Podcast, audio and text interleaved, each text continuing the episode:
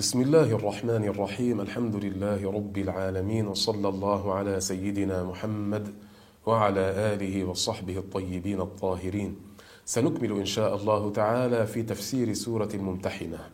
لما أمر الله تعالى المؤمنين بعداوة الكفار عادوا أقرباءهم الكفار.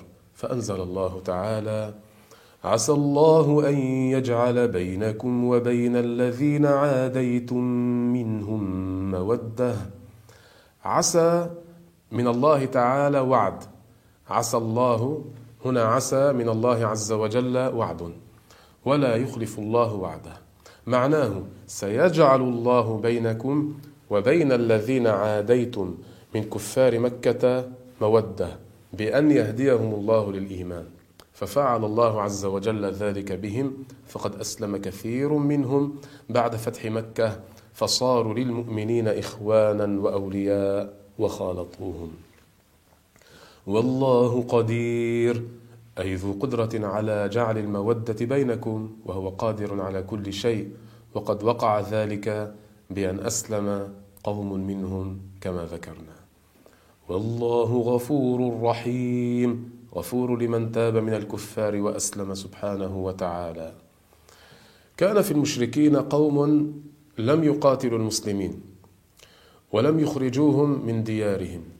وقد قال الله عز وجل لا ينهاكم الله عن الذين لم يقاتلوكم في الدين ولم يخرجوكم من دياركم أن تبروهم أن تبروهم وتقسطوا إليهم.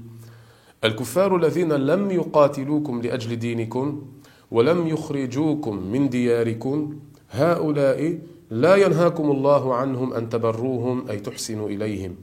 لا ينهاكم الله عنهم أن تعاملوهم بالعدل فيما بينكم وبينهم. فأسماء بنت أبي بكر رضي الله عنها سألت النبي صلى الله عليه وسلم هل تصل أمها حين قدمت عليها مشركة؟ فقال النبي صلى الله عليه وسلم نعم صلي أمك كما رواه البخاري.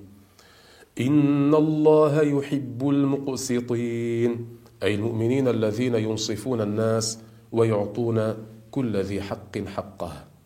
ثم ذكر الله عز وجل الذين نهى عن صلتهم وبرهم فقال عز وجل إنما ينهاكم الله عن الذين قاتلوكم في الدين وأخرجوكم من دياركم.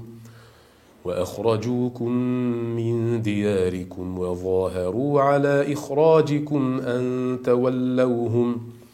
إنما ينهاكم الله أيها المؤمنون عن بر وصلة وموالاة الكفار الذين قاتلوكم في الدين وأخرجوكم من مكة والذين عاونوا مشركي أهل مكة على إخراجكم.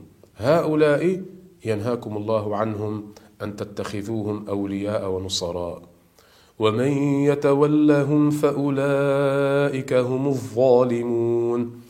من يجعلهم ويتخذهم أنصارا وأحبابا وأولياء فأولئك الذين ظلموا أنفسهم لأنهم خالفوا ما أمرهم الله عز وجل به. وفقني الله وإياكم إلى ما يحب ويرضى والله أعلم وأحكم.